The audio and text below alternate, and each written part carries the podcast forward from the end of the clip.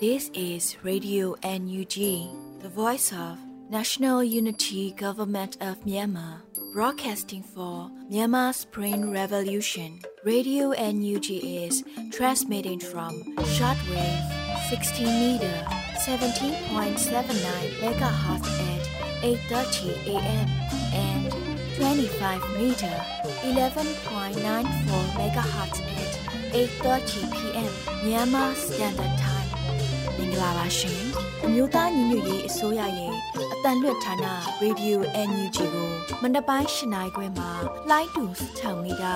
19.3ခုကုန်းမဂါဟတ်စ်နဲ့ညပိုင်း၈နိုင်ခွဲမှာလိုင်းတူ25မီတာ17.3ကိုလီမဂါဟတ်စ်တို့မှာဓာတ်ရိုက်ဖမ်းယူနားဆင်နိုင်ပါပြီရှင်။မင်္ဂလာအပေါင်းနဲ့ပြည့်စုံကြပါစေ။အခုချိန်ကစပြီး Radio NUG စီစဉ်လေးကိုဓာတ်ရိုက်အတန်လွှင့်ပေးနေပါပြီ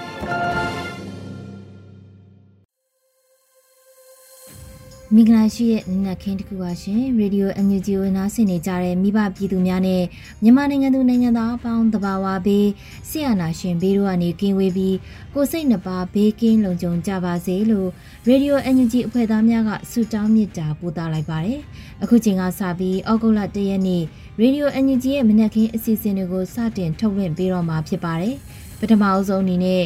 ပြည်တွင်းသတင်းများကိုတော့ຫນွေဦးမိုင်မှဖတ်ကြားတင်ပြပေးမှာဖြစ်ပါတယ်ရှင်။မင်္ဂလာပါရှင်အခုချိန်ကစပြီး Radio UNG ရဲ့2023ခုနှစ်ဩဂတ်လ1ရက်နေ့မနက်ခင်းပြည်တွင်သတင်းများကိုဖတ်ကြားပေးပါတော့မယ်ကျမຫນွေဦးမိုင်းပါ ပထမဆုံးသတင်းအနေနဲ့အမျိုးသားညီညွတ်ရေးအတိုင်ပင်ခံကောင်စီ UNCC နဲ့အမျိုးသားညီညွတ်ရေးအစိုးရ UNG အထူးအစည်းအဝေးပွဲယာယီသမရနဲ့ပြည်ထောင်စုဝန်ကြီးချုပ်တို့တက်ရောက်တဲ့သတင်းကိုတင်ပြပေးပါမယ်အမျိုးသားညီညွတ်ရေးအတိုင်ပင်ခံကောင်စီ UNCC နဲ့အမျိုးသားညီညွတ်ရေးအစိုးရ UNG တို့သည်လက်ရှိဖြစ်ပေါ်နေသောနိုင်ငံရေးအပြောင်းအလဲများနဲ့ပတ်သက်၍အထူးအစည်းအဝေးတစ်ရက်ကိုဇူလိုင်31ရက်မှာကျင်းပခဲ့ပြီးယာယီသမရနဲ့ပြည်ထောင်စုဝန်ကြီးချုပ်တို့တက်ရောက်ခဲ့ပါတယ်။ အစည်းအဝေးတွင်ယာယီသမရဒူဝါလရှိလာကပြောကြားရာကျွန်တော်တို့မှာ Federal Democracy ပြင်ရင်ရှိပါတယ်။တစ်အာဏာရှင်လုံးဝအမြင့်ပြည့်ရင်းနဲ့နှစ် Federal ပြည်ထောင်စုတည်ထောင်ရေးတာအဓိကဖြစ်ပါတယ်။အရေးကြီးဆုံးလမ်းကြောင်းဖြစ်ပါတယ်။ကျွန်တော်တို့ရဲ့နိုင်ငံရေးလမ်းကြောင်း political path ကရပြီးသားဖြစ်ပါတယ်ဘယ်လိုအခက်ခဲဖြစ်ဖြစ်ချိန်ချမှုပဲဖြစ်ဖြစ်အကြမ်းဖက်စစ်အုပ်စုအကွက်စင်တဲ့ဖက်မလိုက်သွားဖို့အရေးကြီးပါတယ်လို့နိုင်ငံတော်ယာယီသမ္မတကပြောပါတယ် ထို့နောက် NUCC ကောင်စီဝင်ဒေါ်ခက်ငင်းအေးကပြောကြားရမှာ NUCC NUG က Federal Democracy ပြင်ရဲ့အပေါ်ယုံကြည်ပြီးရှေ့ဆက်သွားရင်းနဲ့အခက်ခဲတွေကိုကြော်လွှားနိုင်မယ်ယူဆပါတယ်အစိုးရအပြောင်းလဲ regime change မဟုတ်ပဲစနစ်အပြောင်းလဲ system change ဖြစ်ပါတယ်စစ်အုပ်စုကတရှိုလာရာတွေကနီလန်မျိုးစုံတုံးနေတဲ့ယုံကြည်ပါတယ်ဘယ်လိုဖြစ်လာပါစေခေါင်းဆောင်များအစုအဖွဲ့ကြားအားလုံးညီညီညွတ်ညွတ်ရှေ့ဆက်သွားကြဖို့လိုပါတယ်လို့ဆိုပါတယ် အစည်းအဝေးတွင်လက်ရှိဖြစ်ပေါ်ပြောင်းလဲနေသောနိုင်ငံရေးအခြေအနေများနဲ့ပတ်သက်၍သုံးသပ်ဆွေးနွေးကြပြီး Federal Democracy ပြင်ရင်နဲ့အညီရှေ့ဆက်ဆောင်ရွက်ရမည့်လုပ်ငန်းများပူးပေါင်းဆောင်ရွက်ရမည့်လုပ်ငန်းများနဲ့မဟာမိတ်အဖွဲ့အစည်းများနဲ့ပူးပေါင်းဆောင်ရွက်သွားရန်လိုအပ်သောလုပ်ငန်းများကိုဆွေးနွေးညှိနှိုင်းဆုံးဖြတ်ခဲ့ကြပါတယ်။ထို့နောက်အစည်းအဝေးနှီးကုန်းချုပ်စကားကိုပြည်တော်စုဝင်ကြီးချုပ်မန်ဝင်းခိုင်တန်းကပြောကြားရာဒေါအောင်ဆန်းစုကြည်ထွက်လာရင်ပြောင်းသွားမလားမေးကြတာရှိပါတယ်။ကျွန်တော်တို့လုံးဝမပြောင်းပါဘူး။ ပြည်သူလူထုဆန္ဒအတိုင်းသွားမှာပါ။ဒေါအောင်ဆန်းစုကြည်ကလည်းပြည်သူလူထုဆန္ဒကိုအလေးထားပါတယ်။ကျွန်တော်တို့မပြောင်းပါဘူးလို့ဒီအစည်းအဝေးမှာလည်းပြောချင်ပါတယ်။2008ရှိနေတဲ့၍ဖက်ဒရယ်ဒီမိုကရေစီပြည်ထောင်စုထူထောင်နိုင်မှာမဟုတ်အဓိကကအကြမ်းဖက်စစ်အုပ်စုပြုတ်ကျဖို့လိုအပ်နေပါတယ်။ ဝိုင်းဝန်းဆောင်ရွက်ကြရင်မဖြစ်နိုင်စရာမရှိပါဘူးလို့ဆိုပါတယ်။အစည်းအဝေးသို့နိုင်ငံတော်ယာယီသမ္မတပြည်တော်စုဝင်ကြီးချုပ်ဝင်ကြီးဒူးဝင်ကြီးများနဲ့ NUCC ကောင်စီဝင်များစုစုပေါင်း82ဦးတက်ရောက်ခဲ့ကြပါတယ်ရှင်။ဆက်လက်ပြီးတော်လှန်ရေးမှာတလေတဲ့စီတခီတီသွားသူချင်းတက်နိုင်တဲ့၍ညီညီညွတ်ညွတ်ဖေဖေမာမာနဲ့ပါနိုင်အောင်ပွဲကိုပဲအာယုံပြုတ်ဖို့ယာယီသမရဒူဝါလရှိလာသတင်းစကားပါဆိုလိုက်တဲ့သတင်းကိုတင်ပြပါမယ်။ အမျိုးသားညီညွတ်ရေးအစိုးရယာယီသမရဒူဝါလရှိလာမှပြည်သူများထံသို့သတင်းစကားပါရမှာအခုလိုဆိုလိုက်ပါတယ်။ကျွန်တော်တို့အားလုံးဟာတော်လှန်ရေးမှာလောက်ကင်ဆောင်ရွက်ပုံတွေမတူညီကြပေမဲ့ရှောက်တဲ့လမ်းချင်းတူလို့လူချင်းတွေ့ကြတာဖြစ်ပါတယ်။ဒါကြောင့်တလေတဲ့စီတခီတီသွားသူချင်းတက်နိုင်တဲ့၍ညီညီညွတ်ညွတ်ဖေးဖေးမမနဲ့ပန်းနိုင်အောင်ပွဲကိုပဲအာယုံပြုတ်ပြီးရှောက်လှမ်းကြရမှာဖြစ်ပါတယ်လို့ယာယီသမရကဆိုပါတယ်။ လက်ရှိမှာပြည်သူ့ကာကွယ်တပ်ရင်တပ်ဖွဲ့ပေါင်း300ကျော်မြို့နယ်ပကဖအဖွဲ့ပေါင်း250ကျော်နဲ့တနိုင်ငံလုံးမှာပြည်သူ့ကာကွယ်တပ်ဖွဲ့အင်အားပေါင်းသိန်းနဲ့ချီရှိနေပါတယ်ရှင်။တရားစီရင်မနိုင်ကိုလက်တွေ့အကောင့်ထဲပေါ်ဆောင်ရာတွင်သက်ဆိုင်ရာဝန်ကြီးဌာနအချင်းချင်းချိတ်ဆက်ပူးပေါင်းဆောင်ရွက်မှုသည့်အရေးကြီးကြောင်းပြည်ထောင်စုဝန်ကြီးချုပ်ဆိုတဲ့သတင်းကိုဆက်လက်တင်ပြပါမယ်။ ဇူလိုင်29ရက်မှာပြုလုပ်တဲ့ကြားကာလပြည်သူတရားစီရင်ဖော်ဆောင်မှုကော်မတီအစည်းအဝေးခုနှစ်မြင့်ဆောင်2023တွင်ဝန်ကြီးချုပ်ကအခုလိုဆိုပါတယ်ယခုကာလသည်ဥပဒေများလှုပ်ထုံးလုံနည်းများအတိုင်းတတိကြီးစွာထားပြီးလောက်ကင်ဆောင်ရွက်ရသည့်အပြင်တော်လှန်ရေးကာလဖြစ်သည့်အတွက်တရားရေးဝန်ကြီးဌာန၏တရားစီရင်မှနိုင်ကိုလက်တွေ့အကောင့်ထဲပေါ်ဆောင်ရာတွင် အခက်ခဲများများစွာရှိမည်ဖြစ်ကြောင်းသက်ဆိုင်ရာဝန်ကြီးဌာနအချင်းချင်းချိတ်ဆက်ပူးပေါင်းဆောင်ရွက်မှုသည် လွန်စွာအရေးကြီးကြောင်းဝန်ကြီးချုပ်ကဆိုပါရယ်။ပို့နောက်အစည်းအဝေးတက်ရောက်လာသူများမှဆွေးနွေးမှုများပြုလုပ်ခဲ့ကြပြီးနောက်တရားရေးဝန်ကြီးဌာနပြည်ထောင်စုဝန်ကြီးဦးသိန်းဦးကတော်လှန်ရေးရှစ်တလန်တိုးရန်လိုအကြောင်းတရားရေးဝန်ကြီးဌာနပြည်ထရေးဝန်ကြီးဌာနကာကွယ်ရေးဝန်ကြီးဌာနလူခွင့်ရေးဆိုင်ရာဝန်ကြီးဌာနများသည့်ထက်ထဲဝင်ဝင်ပေါင်းဆက်ဆောင်ရွက်နေရအရေးကြီးကြောင်းသက်ဆိုင်ရာဝန်ကြီးဌာနများအားလုံးဝိုင်းဝန်းကြိုးပမ်းကြရန်လိုအကြောင်းပြောကြားခဲ့ပါတယ် အစည်းအဝေးတော့ကော်မတီဥက္ကဋ္ဌပြည်ထောင်စုဝန်ကြီးချုပ်မန်ဝင်းခိုင်တန်းဒုတိယဥက္ကဋ္ဌတရားရေးဝန်ကြီးဌာနပြည်ထောင်စုဝန်ကြီးဦးသိန်းဦးကော်မတီအတွင်းရေးမှူးတရားရေးဝန်ကြီးဌာနအမြဲတမ်းအတွင်းဝင်ဦးမင်းနောင်ခိုင်နဲ့ကော်မတီဝင်များတက်ရောက်ခဲ့ကြပါတယ်ရှင်။ အကြမ်းဖက်စစ်အုပ်စုက9ဦးနဲ့ထက်အစုလိုက်ပြုံလိုက်တပ်ဖြတ်မှုအနည်းဆုံး144မှုကျူးလွန်ခဲ့ပြီးအပြစ်မဲ့ပြည်သူ1595ဦးကိုတပ်ဖြတ်ခဲ့တဲ့တဲ့ရင်ကိုဆက်လက်တင်ပြပေးချင်ပါတယ်။အကြမ်းဖက်စစ်အုပ်စုက9ဦးနဲ့ထက်အစုလိုက်ပြုံလိုက်တပ်ဖြတ်မှုအနည်းဆုံး144မှုကျူးလွန်ခဲ့ပြီးအပြစ်မဲ့ပြည်သူ1595ဦးကိုတပ်ဖြတ်ခဲ့တယ်လို့ အမျိုးသားညီညွတ်ရေးအစိုးရလူအခွင့်အရေးဆိုင်ရာဝန်ကြီးဌာနကဇူလိုင်31ရက်မှာထုတ်ပြန်အတည်ပြုပါတယ်။အကြမ်းဖက်စစ်အုပ်စုသည်2021ခုနှစ်ဖေဖော်ဝါရီလ1ရက်နေ့တွင်အာဏာသိမ်းရန်ကြိုးပမ်းခဲ့ပြီးနောက်အစုလိုက်ပြုံးလိုက်တက်ဖြတ်မှုများကိုကျူးလွန်လာခဲ့ရာအမျိုးသားညီညွတ်ရေးအစိုးရလူခွင့်ရေးဆိုင်ရာဝန်ကြီးဌာနမှ2023ခုနှစ်ဇူလိုင်လအထိကောက်ယူရရှိထားသောအချက်လက်များအရ9ဦးနှင့်ထက်အစုလိုက်ပြုံးလိုက်တက်ဖြတ်မှုအနည်းဆုံး144မှုကျူးလွန်ခဲ့ပြီး အပြစ်မဲ့ပြည်သူ1595ဦးကိုတပ်ဖြတ်ခဲ့ကြောင်းတွေ့ရှိရပါတယ်လို့ဖော်ပြပါတယ်။2021ခုနှစ်တွင် အစုလိုက်ပြုံးလိုက်တပ်ဖြတ်မှု17ကြိမ်2022ခုနှစ်တွင်85ကြိမ်နဲ့2023ခုနှစ်ဇူလိုင်လအထိ48ကြိမ်အထိကျူးလွန်မှုရှိခဲ့ကြောင်းမှတ်တမ်းကောက်ယူထားနိုင်ခဲ့တယ်လို့ဆိုပါတယ်။ ကောက်ယူရရှိထားသောမှတ်တမ်းများအရနောက်ဆုံးကျူးလွန်ခဲ့သောအစုလိုက်ပြုံးလိုက်တပ်ဖြတ်မှုမှာ2023ခုနှစ်ဇူလိုင်လ22ရက်နေ့စကိုင်းတိုင်းရမပင်မြို့နယ်စုံချောင်းကျေးရွာတွင်ကျူးလွန်ခဲ့သောအစုလိုက်ပြုံးလိုက်တပ်ဖြတ်မှုဖြစ်ပြီးအဆိုပါတပ်ဖြတ်မှုတွင်အသက်18နှစ်အောက်၄ဦးအပါအဝင်အပြစ်မဲ့ပြည်သူ14ဦးအစုလိုက်ပြုံးလိုက်တပ်ဖြတ်ခြင်းခံခဲ့ရတယ်လို့ဆိုပါတယ်လူခွင့်ရေးဆိုင်ရာဝန်ကြီးဌာနအနေဖြင့်ကောက်ယူရရှိထားသော အကြမ်းဖက်စစ်အုပ်စု၏ချိုးဖောက်မှုများပေါ်တရားမျှတမှုဖော်ဆောင်နိုင်ရန်အစွမ်းကုန်ကြိုးပမ်းသွားမယ်လို့ထုတ်ပြန်ပါတယ်ရှင်။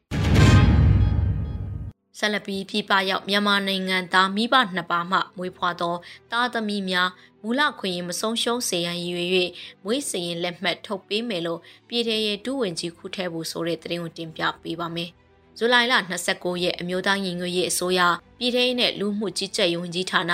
လူမှုကြီးကြပ်ရေးဦးစီးဌာန၏ပြည်ပမွေးထိုးလုပ်ငန်းဗဟိုကော်မတီအစည်းအဝေးမှာပြည်ထောင်ဒုဝန်ကြီးခုထဲဘူးကအခုလိုပြောပါတယ်အစည်းအဝေး၌ပြည်ထဲနဲ့လူမှုကြီးကြပ်ဝင်ကြီးဌာနဒုတိယဝန်ကြီးခုထဲဘူးမှပြပရောက်မြန်မာနိုင်ငံသားမိဘနှစ်ပါးမှမွေးဖွားသောတာသမီများမူလအခွင့်အရေးမဆုံးရှုံးစေရန်ရည်ရွယ်၍မွေးစရင်လက်မှတ်ထုတ်ပေးခြင်းဖြစ်ကြောင်းအဖွဲ့မှစကားပြောကြားခဲ့ပါတယ်။ ဆက်လက်၍လူမှုကြီးကြပ်ရေးဦးစီးဌာနတွဲဖက်အတွင်းဝင်မှပြပရောက်မြန်မာနိုင်ငံသားမိဘနှစ်ပါးမှမွေးဖွားသောတာသမီများအားမွေးစင်လက်မှတ်ထုတ်ပေးရေးလုပ်ငန်းနှင့်ပတ်သက်၍ရှင်းလင်းပြောကြားခဲ့ပါတယ်။အစည်းအဝေးသို့ပြပမွေးစင်လက်မှတ်ထုတ်ပေးရေးလုပ်ငန်းဆိုင်ရာဗဟိုကော်မတီအဖွဲ့ဝင်များဖြစ်သည့်နိုင်ငံခြားရေးဝန်ကြီးဌာန၊ကျန်းမာရေးဝန်ကြီးဌာန၊အပြည်ပြည်ဆိုင်ရာပူးပေါင်းဆောင်ရွက်ရေးဝန်ကြီးဌာန၊အလုံသမားဝန်ကြီးဌာန၊စစ်သွေးရေးတရင်အချက်လက်နဲ့ဤပညာဝန်ကြီးဌာန အမျိုးသမီးလူငယ်နဲ့ကလေးသူငယ်ရေးရဝန်ကြီးဌာနတို့မှတာဝန်ရှိသူများတက်ရောက်ခဲ့ကြပါတယ်ရှင်။ဇိုလာတွင်နူဦးထီ project မှကျမရေး CDM ဝန်ထမ်း130ဦးအတွက်ထောက်ပံ့ငွေ55သိန်းကျပ်ကူညီနိုင်ခဲ့တဲ့တဲ့ရင်ကိုဆက်လက်တင်ပြပေးပါမယ်။ဇွန်လရီနူထီ project မှကျမကြီး CDM ဝန်ထမ်း130ဦးအတွက်ထောက်ပံ့ငွေ55သိန်းကျပ်ကူညီနိုင်ခဲ့တယ်လို့ CDM Medical Network ကဇူလိုင်31ရက်မှာတည်ပြီးဆိုပါရယ်။ 2023ခုနှစ်ဇွန်လတွင်ຫນွေဦးထီအစီအစဉ်မှထောက်ပံ့ငွေများကိုဌာနအသီးသီးတို့ခွဲဝေထောက်ပံ့ခဲ့ရာကျမိုင်စီဒီယံဝန်ထမ်းများအတွက်ထောက်ပံ့ငွေခွဲတန်းစုစုပေါင်း55သိန်းကျပ်တီတီကိုကျမိုင်စီဒီယံဝန်ထမ်း130ဦးမှမျှဝေရရှိခဲ့ပါတယ်လို့ဆိုပါတယ်။ကျန်းမာရေးစီဒီယံဝန်ထမ်းစုစုပေါင်း3000ကျော်ရှိသည့်အနှစ်မှ စားဝတ်နေခက်ခဲနေသောဝန်ထမ်းများကိုအတက်နိုင်ဆုံးဦးစားပေးထောက်ပံ့ပေးခဲ့ပြီးကြန့်ရှိနေသေးတဲ့ကျန်းမာရေးစီဒီယံဝန်ထမ်းများကိုလည်းတလချင်းရရှိသော ထောက်ပံ့ကြေးခွဲတမ်းများအရအလှည့်ကျခွဲဝေပေးဖို့စီစဉ်ထားတယ်လို့သိရပါတယ်ရှင်။ BBLA တပ်ဖွဲ့ရဲ့စနိုက်ပါတင်နန်းကိုရခိုင်တပ်တော် AA ကလေ့ကျင့်သင်ကြားပေးခဲ့တဲ့တဲ့ကိုဆက်လက်တင်ပြပေးချင်ပါတယ်။ BPLA တပ်ဖွဲ့ရဲ့စနိုက်ပါတင်နန်းကိုရခိုင်တပ်တော် AA ကလေ့ကျင့်သင်ကြားပေးခဲ့လို့ဗမာပြည်သူ့လွတ်မြောက်ရေးတပ်တော် BPLA ကဇူလိုင်31ရက်မှာအတည်ပြုဆိုပါရယ်ဗမာပြည်သူ့လွတ်မြောက်ရေးတပ်တော် BPLA ပထမဆုံးစနိုက်ပါတင်နန်းစင်းပွဲကို2023ခုနှစ်ဇူလိုင်လ24ရက်နေ့တွင်ကျင်းပခဲ့ပါတယ်လို့ဆိုပါရယ်အဆိုပါတင်နန်းကိုရခိုင်တပ်တော် AA ကလေ့ကျင့်သင်ကြားပေးခဲ့ခြင်းဖြစ်ပြီးတင်နန်းသား12ဦးတွင် 9ဦးသာတင်နန်းပြီးဆုံးအောင်မြင်ခဲ့လို့ဆိုပါရရှင်ဒီမော့ဆိုမျိုးနယ်တဲတောင်စစ်ကောင်စီလက်နက်ကြီးစခန်းကိုကာကွယ်တပ်များက81မမတာဝေးပစ်လက်နက်ကြီးဖြင့်ပစ်ခတ်တိုက်ခတ်၍စစ်ကောင်စီစခန်းအဆောက်အဦများထိမှန်ပျက်စီးတဲ့တဲ့ရင်ကိုနောက်ဆုံးတင်ပြပေးချင်ပါတယ်။ ဒီမော့ဆိုမျိုးနယ်တေးတောင်စစ်ကောင်စီလက်နက်ကြီးစခန်းကိုကာကွယ်တပ်များက81မမတာဝေးပစ်လက်နက်ကြီးဖြင့်ပစ်ခတ်တိုက်ခိုက်၍စစ်ကောင်စီစခန်းအဆောက်အဦများထိမှန်ပျက်စီးခဲ့လို့နေပြည်တော်ပြည်သူ့ကာကွယ်ရေးအဖွဲ့ကဇူလိုင်31ရက်မှာတည်ပြုဆိုပါရယ်နေပြည်တော်ပြည်သူ့ကာကွယ်ရေးအဖွဲ့တိုင်းခရိုင်မြို့နယ်ပကဖာနဲ့ DMO Local PDF တက်ရင်တေတို့မှပူးပေါင်း၍ဒီမော့ဆိုမျိုးနယ်တေးတောင်စက်ကောင်စီလက်နက်ကြီးစခန်းတော့နေပြည်တော်ပကဖမှထုတ်လုပ်ထားသည့်81မမတာဝေးပစ်လက်နက်ကြီးဖြင့်ပြစ်ခတ်တိုက်ခိုက်ခဲ့ရာစစ်ကောင်စီစခန်းရှိအဆောက်အဦများထိခိုက်ပျက်စီးခဲ့ရလို့ဖော်ပြပါရယ်ဇူလိုင်23ရက်မှ29ရက်နေ့ထိ၄ရက်ကြာထိတွေ့တိုက်ပွဲဖြစ်ပွားခဲ့ပြီးစစ်ကောင်စီဘက်မှခြေကုပ်ယူထားသည့်တေးတောင်လက်နက်ကြီးစခန်းအားစွန့်ခွာသွားခဲ့တယ်လို့ သိရှိရပြီးစစ်ကောင်စီဘက်မှတေဆုံးပျက်စီးစရင်အားထပ်မံအတီးပြုတ်သတင်းထုတ်ပြန်သွားမယ်လို့ဆိုပါတယ်ရှင်။အခုတင်ပြခဲ့တဲ့သတင်းတွေကို Radio UNG သတင်းထောက်မင်းတီဟာကပေးပို့ထားတာဖြစ်ပါတယ်ရှင်။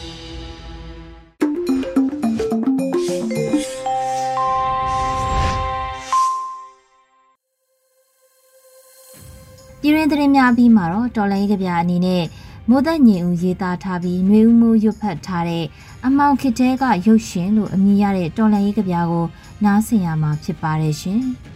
။အမောင်ခစ်တဲကရုပ်ရှင်ငါတို့တရုတ်ဆောင်နေရတဲ့တောကစက်တင်မှာသွေးဘလောက်ရဲတယ်လဲဆိုတာအဓိကအသက်တွေပဲလူအဲ့ရင်လက်မောင်းသွေးတွေဖောက်ထုတ်လိုက်သွေးစိမ့်ရှင်ရှင်ပန်းထွက်နေလေယုံကြည်ချက်ကပုံမခိုင်မြဲစောက်ပြတ်တနာတွေတလေကြီးက အဖော်အပေါင်းနဲ့လာတယ်တမိုင်းခရီးမဆုံးမီငါတို့လောက်ရက်ကိုဖွင့်ချခွင့်မရှိအဲ့စရင်စစ်တဲ့အကြောင်းပြချက်နဲ့အစပြောက်သွားနိုင်တယ်ဆိုင်ကယ်စစ်ဖုန်းစစ်တဲ့ဆိုပြီးခွေးကြိုက်ခံရနိုင်တယ်ခွေးတွေကိုကြောက်လို့နောက်တွန့်သွားရင်သွေးတွေရဲတာအလကားဖြစ်သွားမယ်ခွေးကြိုက်မှာစိုးလို့ငြိမ်စင်းသွားရင်ရှိတဲ့သွေးတွေဖောက်ချလိုက်မယ် တန့်ရှင်းနေစေလိပ်ပြဟာအမောင်ခက်ထဲမှာလေလှပနေမြဲတောက်ပစေမိုးသက်ငြိမ်ဦး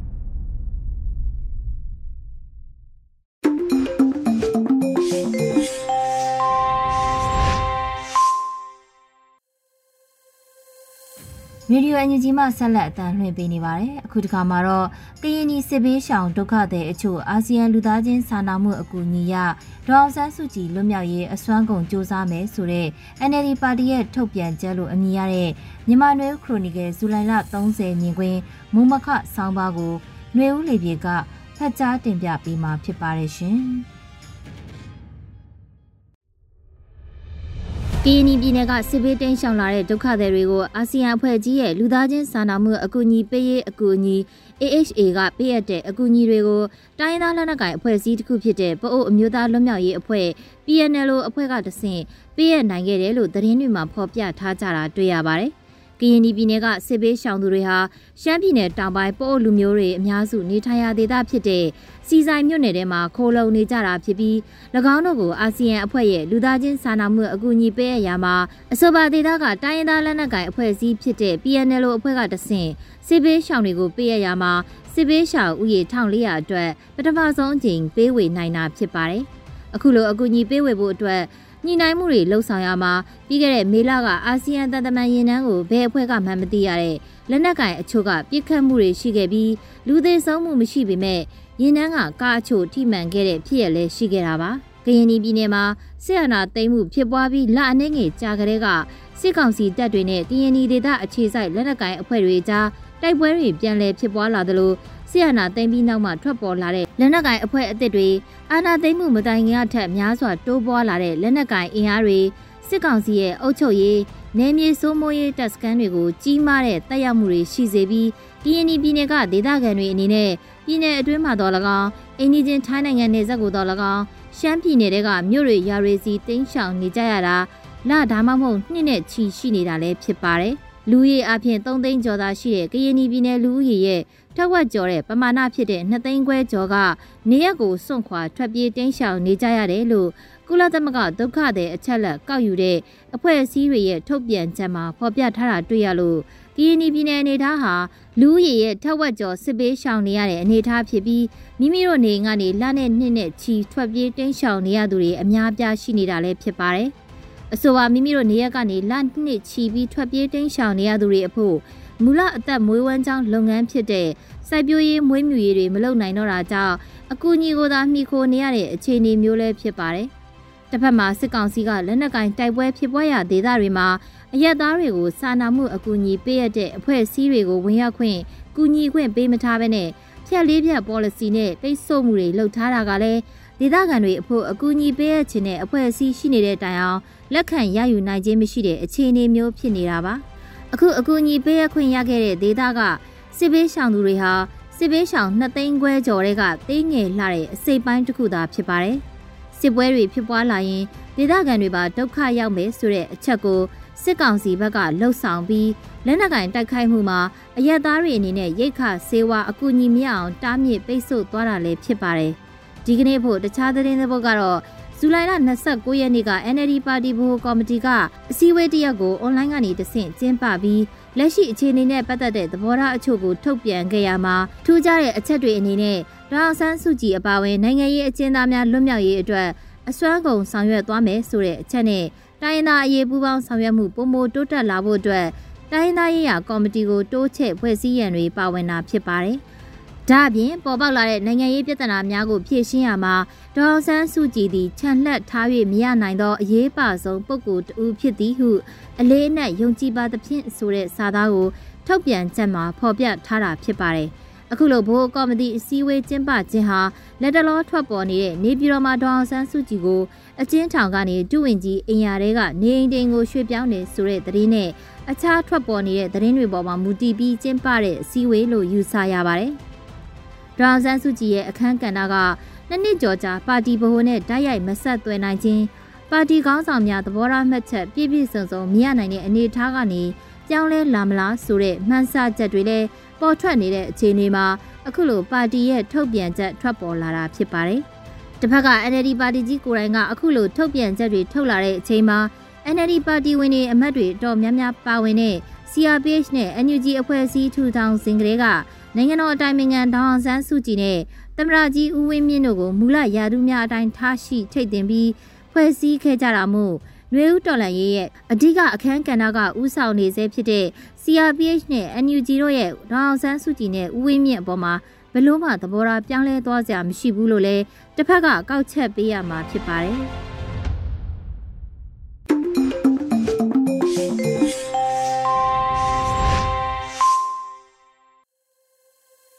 အခုဆက်လက်ပြီး PPTV ရဲ့နေ့စဉ်သတင်းများကိုတော့ထက်ထက်အင်ဒရာအောင်မှတင်ပြပေးတော့မှာဖြစ်ပါတယ်ရှင်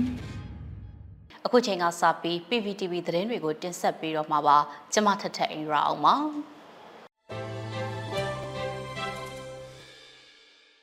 ပထမဆုံးတင်ဆက်ပေးမယ့်သတင်းကတော့တော်လှန်ရေးကာလအတွင်းလုံခြုံရေးနဲ့တော်လှန်ရေးကိုထိခိုက်စေနိုင်တဲ့အသွင်ယူစိတ်ဝင်မှုတွေနဲ့လိမ့်လည်မှုတွေကို NUG ပေးတားဆီးအရေးယူနေရဆိုတဲ့သတင်းမှာ တော်လှန်ရေးကာလအတွင်းတော်လှန်ရေးအင်အားစုတွေရဲ့လုံခြုံရေးနဲ့တော်လှန်ရေးကိုထိခိုက်စေနိုင်တဲ့အသွင်ယူစိတ်ဝင်မှုတွေနဲ့လိမ့်လည်မှုတွေကိုတားဆီးရေးယူမှုတွေပြုလုပ်နေတယ်လို့ NUG ပေးကအသိပေးထုတ်ပြန်ထားတာပါလိမ့်လည်တယ်လို့တိုင်ကြားခံရသူတွေရဲ့ NUG ပေးအကောင့်တွေနဲ့လိမ့်လည်သူတွေကိုငွေထုတ်နိုင်ဖို့ ကူညီပေးနေတဲ့အကောင့်တချို့ကိုပိတ်သိမ်းခဲ့တယ်ဆိုတာနဲ့လိမ့်လည်ခံရတဲ့ငွေကြေးတွေကတချို့ကိုလည်းအချိန်မီထိမ့်သိမ့်ပြီးတော့အလူရှင်တွေထံကိုပြန်လည်ပေးအပ်နိုင်ခဲ့တယ်လို့ထုတ်ပြန်ချက်မှာဖော်ပြထားပါတယ်။မှာရွေးတိုင်ကြားခံရတယ်လို့ထင်မြင်ယူဆပါကခိုင်လုံတဲ့အထောက်အထားတွေနဲ့ဆက်သွယ်ဖြည့်ရှင်းနိုင်တယ်ဆိုတာနဲ့ ဖြည့်ရှင်းတဲ့သက်သေအထောက်အထားတွေခိုင်လုံမှုမရှိပါကတုံးဆွဲသူတွေရဲ့လုံခြုံရေးကိုအလေးအနက်ထားပြီးတော့ NUG Pay Fresh Management တင်းကနေပြီးတော့ထုတ်ပြန်ချမှတ်ထားတဲ့စီမင်းစည်းကမ်းတွေနဲ့အညီဆောင်ရွက်ပေးနေတယ်လို့ဆိုပါတယ်။ဖြည့်ရှင်းဆောင်ရွက်ခဲ့ပြီးတဲ့အမှုတွေရဲ့အသေးစိတ်အချက်အလက်တွေကိုစနစ်တကျထိမ့်သိမ်းထားရှိပြီးတော့ ငွေကြေးနဲ့သက်ဆိုင်တဲ့အဖွဲ့အစည်းတွေရဲ့လှုပ်ထုံးလုပ်နည်းတွေအရာတော်၎င်းသက်ဆိုင်ရာတော်လှန်ရေးအင်အားစုတွေရဲ့လုံခြုံရေးအရာတော်၎င်းအများပြည်သူကိုထုတ်ပြန်ရှင်းလင်းမှုတွေဆောင်ရွက်မှာမဟုတ်ဘူးလို့အသိပေးထားပါတယ်။ NUG ပေးအနေနဲ့တော်လှန်ရေးအတွင်းမှာအများပြည်သူရဲ့လူဒန်းထောက်ပံ့မှုတွေကိုအခွင့်ကောင်းယူပြီးတော့အသွင်ယူစိတ်ဝင်မှုတွေနဲ့လိမ့်လည်မှုတွေကိုတားဆီးရေးယူမှုတွေဆောင်ရွက်နေတယ်ဆိုတာနဲ့ လိမ်လည်မှုတွေကိုကင်တွယ်ဆောင်ရွက်ဖို့ Fresh Management Team ကိုဖွဲ့စည်းပြီးတော့ခိုင်လုံတဲ့တပ်သေးတွေကိုအခြေခံပြီးတော့အရေးယူဆောင်ရွက်ပေးနေတာပါ PDF, LPDF, UG စတဲ့အဖွဲ့အစည်းတွေကိုအသွင်ယူပြီးလိမ်လည်နေတယ်လို့တိုင်ကြားမှုတွေရှိလာပါကသက်ဆိုင်ရာဝန်ကြီးဌာနတွေနဲ့တော့၎င်းသက်ဆိုင်ရာအစုအဖွဲ့တွေရဲ့တာဝန်ခံတွေတော့၎င်း ငွေကြေးလွှဲပြောင်းမှုမှတ်တမ်းတွေကိုစစ်စစ်အတည်ပြုပြီးမှသာအရေးယူမှုတွေပြုလုပ်ဆောင်ရွက်ခဲ့တာဖြစ်တယ်လို့အသိပေးဖော်ပြထားပါတယ်။ဒါ့အပြင်အရေးယူမှုတွေပြုလုပ်ရမှာတတိပေးခြင်းအကောင့်အသုံးပြုခွင့်ယာယီပိတ်သိမ်းခြင်းရာသက်ပံအကောင့်ပိတ်သိမ်းခြင်းအကောင့်အသစ်ထပ်မံဝယ်ယူခွင့်ပိတ်သိမ်းခြင်းတို့ကိုတပ်သေးအထောက်အထားတွေကိုအခြေခံပြီးတော့ဆောင်ရွက်နေတာဖြစ်တယ်လို့သိရပါတယ်။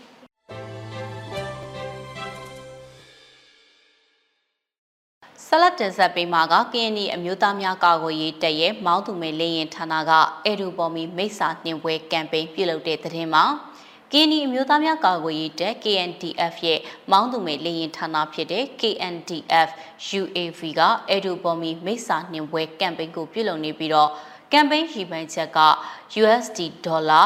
တသိန်း9000မြန်မာကျပ်တန်မိုးငွေ4500ဖြစ်တယ်ဆိုပြီးတော့အသိပေးဖော်ပြထားပါတယ်။ အေရိုပုံမီမိတ်စာနှင်ပွဲဆိုတာကတော့ KNDF UAV Department ကထုတ်လုပ်တဲ့ Long Ranger Fit Win UAV တွေကိုအများအများထုတ်လုပ်ပြီးတော့အကြမ်းဖက်ဖက်စစ်မိတ်စာတက်ကိုအပြီးတိုင်နှင်ထုတ်သွားနိုင်ရေးဖြစ်တယ်လို့အသိပေးထားပါတယ်။ KNDF UAV က KNDF အတွင်းမှာရှိတဲ့ drone တွေသာမက KNI ပြည်နယ်မှာရှိတဲ့တခြားသောတပ်ဖွဲ့တွေရဲ့ drone များအားတပ်ဆင်ပေးခြင်းပြင်ဆင်ပေးခြင်းနဲ့စစ်စင်ရေးများပြုလုပ်လျက်ရှိတဲ့ဌာနဖြစ်ပါတယ်။ လက်ရှိအချိန်မှာလည်း Long Ranger Fit Win UAV တွေကိုပြင်ပပညာရှင်တို့ရဲ့အကူအညီတချို့နဲ့သုတေသနလုပ်ငန်းတွေကိုအောင်မြင်စွာဆောင်ရွက်ပြီးစီပြီးတော့စတင်ထုတ်လုပ်နေပြီဖြစ်တယ်လို့အသိပေးထားပါတယ်။အဲရိုပေါ်မီဒီကူပွဲဆိုတာကကင်းနီလူမျိုးတွေကနှစ်စဉ်ဩဂတ်စက်တင်ဘာအောက်တိုဘာတွေမှာပြုလုပ်လျက်ရှိတဲ့မိတ်စာမကောင်းဆိုဝါကျူးကျော်ရန်ကိုနှင်ထုတ်ခြင်းဆိုတဲ့အတိတ်ပဲဖွင့်ဆိုတဲ့ပွဲတစ်ခုလည်းဖြစ်ပါတယ်။ အကြမ်းဖက်စစ်တပ်ကြောင့်အေဒူပေါ်မီဒီကူးပွဲကိုဒေသတိုင်းမှာမပြုတ်လုံနိုင်ပေမဲ့လည်းအဲ့ဒီအထိပ္ပယ်အတိုင်းစစ်မိတ်စာတွေကိုပွဲကာလအတွင်းနှိထုတ်နိုင်ဖို့အတွက်အခုရမုံငွေပွဲကိုပြုတ်လုံရတာဖြစ်တယ်လို့လည်းအသိပေးထားပါတယ်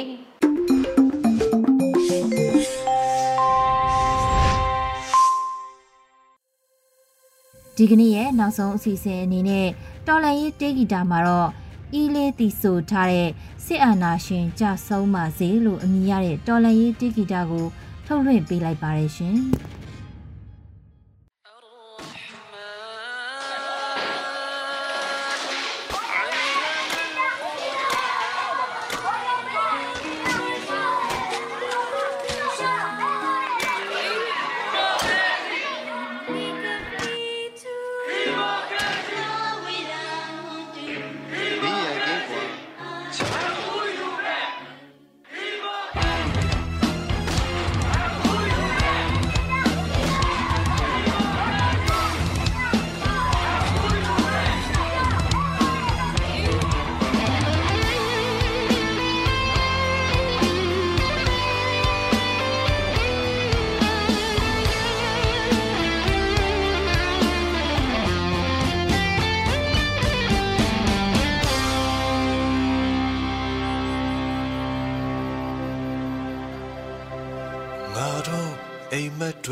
တွေကိုဖျက်ဆီးငါတို့အနာဂတ်ကိုရိုက်ချိုးပြီးအမောင်ဖုံးတဲ့နေတွေစီအတ္တမဝါဒကိုတသွင်းပြီးလူမိုက်လူညံ့တွေကိုစူးစီးလူကောင်းသူကောင်းတွေညွန်ချိုးပြီးကြောင်ပြချက်တွေနဲ့မူသားများစွာနဲ့မိန်ကွန်းချီငါတို့လုံးဝလက်မခံဘူး ဒါမျိုးလုံးဝသဘောမတူဘူးအာနာရှင်ကြဆုံးပါစေအာနာရှင်ကြဆုံးဖို့ရှင်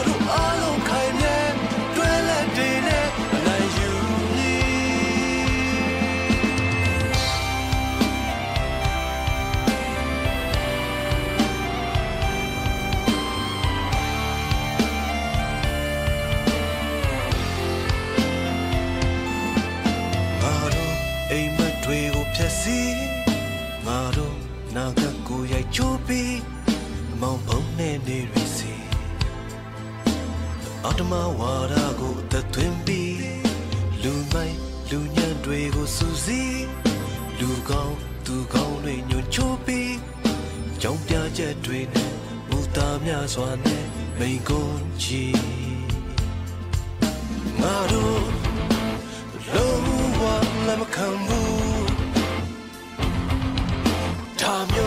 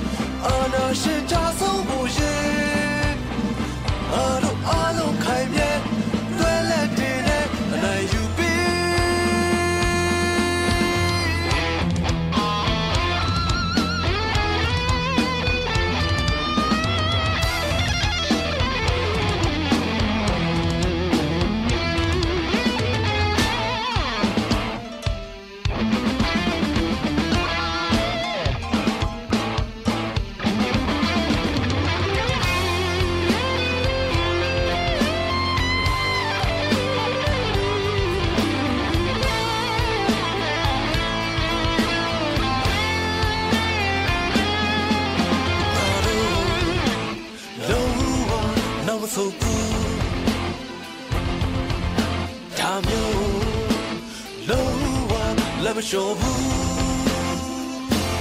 အာနာရှိကြဆုံးပါစေအာနာရှိကြဆုံးဖို့ရေငါတို့တွေ့သစ္စာနဲ့တွေ့တဲ့နေနဲ့လက်တွဲပြီးအာနာရှိကြဆုံးပါစေအာနာရှင်ကြဆုံး